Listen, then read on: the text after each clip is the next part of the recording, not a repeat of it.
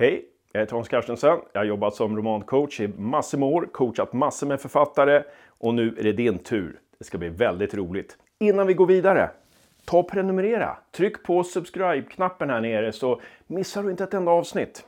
Idag ska vi prata om Quentin Tarantino och lära oss av honom. Men hur ska vi kunna lära oss av Tarantino? Han jobbar ju med film. Häng med så får du se.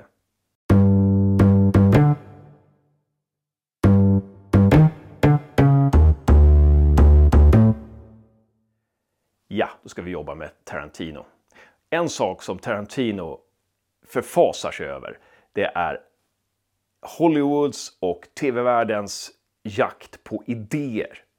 Quentin Tarantino menar han jobbar inte med idéer, han jobbar med stories.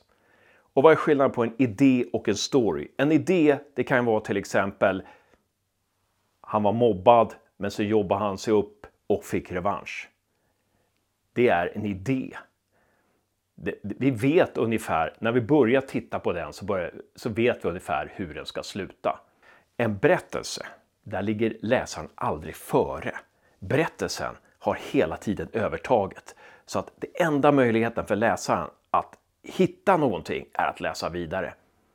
Eller titta vidare om det gäller film. Därför ska du se till att inte tänka på idéer. Du ska inte tänka på att jag ska skriva en sån berättelse. Utan du ska tänka på att utveckla någonting som du inte själv ens vet slutet på. Du ska själv vara nyfiken på vad som ska hända medan det hela vecklar ut sig. Det här kan ju bli lite problematiskt när jag snart i nästa avsnitt börjar prata om struktur. Du måste ha en struktur eller det kan vara bra med en struktur. Men det kommer vi till då. Det är inte motsägelsefullt. För att du formar ju det hela och vet så småningom vart din berättelse ska leda. När du har kanske strukturerat den. Och då kan det vara bra att göra en aktindelning till exempel. Men du ska fortfarande vara hela tiden på tårna och tänka att nej, den ska ta den här vändningen istället. Storyn ska överraska mig här. Den ska överraska mig för då överraskar den läsaren. Okej, okay, det andra som jag tycker är fascinerande med Quentin Tarantino, det är att han använder sig av sånt som händer i hans liv just nu. Medan han skriver sin berättelse så tar han med det som händer i hans liv medan han skriver berättelsen. Okej, okay? det skulle kunna innebära att om du till exempel har ramlat på cykeln en dag och sen ska du hem och fortsätta skriva din roman. Då kanske du ska ta med det i berättelsen. Eller du har fått kontakt med ett gammalt befäl som du hade i lumpen. Då kanske det, det där befälet ska komma in i berättelsen. Ja, sådana saker. Var vaksam på vad, vad som händer i ditt liv. Alltså, var inte bara fokuserad på storyn där borta, utan storyn händer lika mycket här. Eller här. Den tredje saken som jag tycker är fascinerande med Quentin Tarantinos sätt att arbeta, det är att han befolkar sina berättelser med människor som står inför något avgörande i sitt liv. Och Det gör att de måste agera på något vis. Det är inte bara det att de har ett projekt, liksom. ja det är viktigt med ett projekt, utan det är det att det här projektet måste bli gjort snart. Va? Och att det här projektet upptar hela deras gestalt med ångest, beslutsamhet, tanklöshet, obeslutsamhet och så vidare. När John Travolta i Pulp Fiction pratar med Samuel L. Jackson innan de går in på det här rummet och det börjar skjutas. Då är han helt upptagen med att han måste bjuda ut chefens fru medan chefen är bortrest. Han har fått det i uppdrag av chefen. Och den här chefen är också en, en eh, otroligt grym person. Det är därför han pratar i bilen om det här med, med mat och såna här grejer. Han börjar prata, vilken, vad, vad vet du om henne, den här chefens fru och så vidare. Om ni bara tittar på Tarantinos filmer utifrån det här så kommer ni upptäcka sådana här saker. Så det är en myt i mycket om Tarantinos filmer att ja, det är folk som pratar en tuff dialog och att det är väldigt mycket våld. Personer som pratar om Tarantino på det sättet har inte studerat Tarantino på djupet. Nu ska vi göra en övning här. eller du ska göra en övning som gör att du ska få testa det här lite. Då tänkte jag att du ska ta och sätta in en karaktär i en livsavgörande situation. Jag har skrivit inledningen. Och inledningen ska jag läsa upp nu. Så skriv en fortsättning på den här. Vera sitter och äter frukost.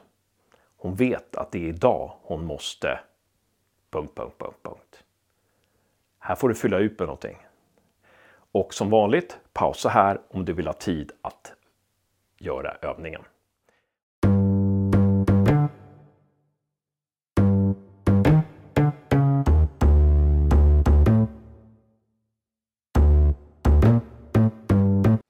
Den fjärde och sista grejen som jag tycker att vi ska lära av Tarantino, det är att de här människorna, de här karaktärerna som han befolkar sina berättelser med, de är ju inne i något viktigt. De är inne i ett livsavgörande projekt på något vis. Men de lever också ett vardagsliv. Och det är det som är så intressant, att vardagslivet liksom, det fortsätter att existera. Jag är lite trött på berättelser där det bara är projekt, där det är bara berättelse, berättelse, berättelse, berättelse. Där det, det blir skrivet på något vis, man hör författarens röst nästan. Men i Tarantinos universum så har karaktärerna, samtidigt som de gör det här viktiga, så lever de sitt vardagsliv. Till exempel i Django i början, då har ju tandläkaren, han kommer in i sin tandläkarvagn där med en, med en dallrande tand längst uppe på taket i eh, Kill Bill, en av de första scenerna, när Uma Thurmans gestalt ska faktiskt hämnas på och mörda en tidigare kollega som har svikit henne. Vad är det som händer då? Jo, då kommer den här kollegans dotter hem från skolan. Eller om det är förskolan. Så att det blir inte bara den berättelsen utan vardagslivet i den här människans liv dyker helt plötsligt upp. Vi ska göra en övning när det gäller det här också den andra och sista övningen. Jag har skissat ett scenario, helt kort. Det är ett jag som sitter på ett tåg och planerar ett rån. Din uppgift blir att föra in jagets vardagsliv mitt i det här. Jag sitter på tåget och planerar hur jag ska utföra rånet.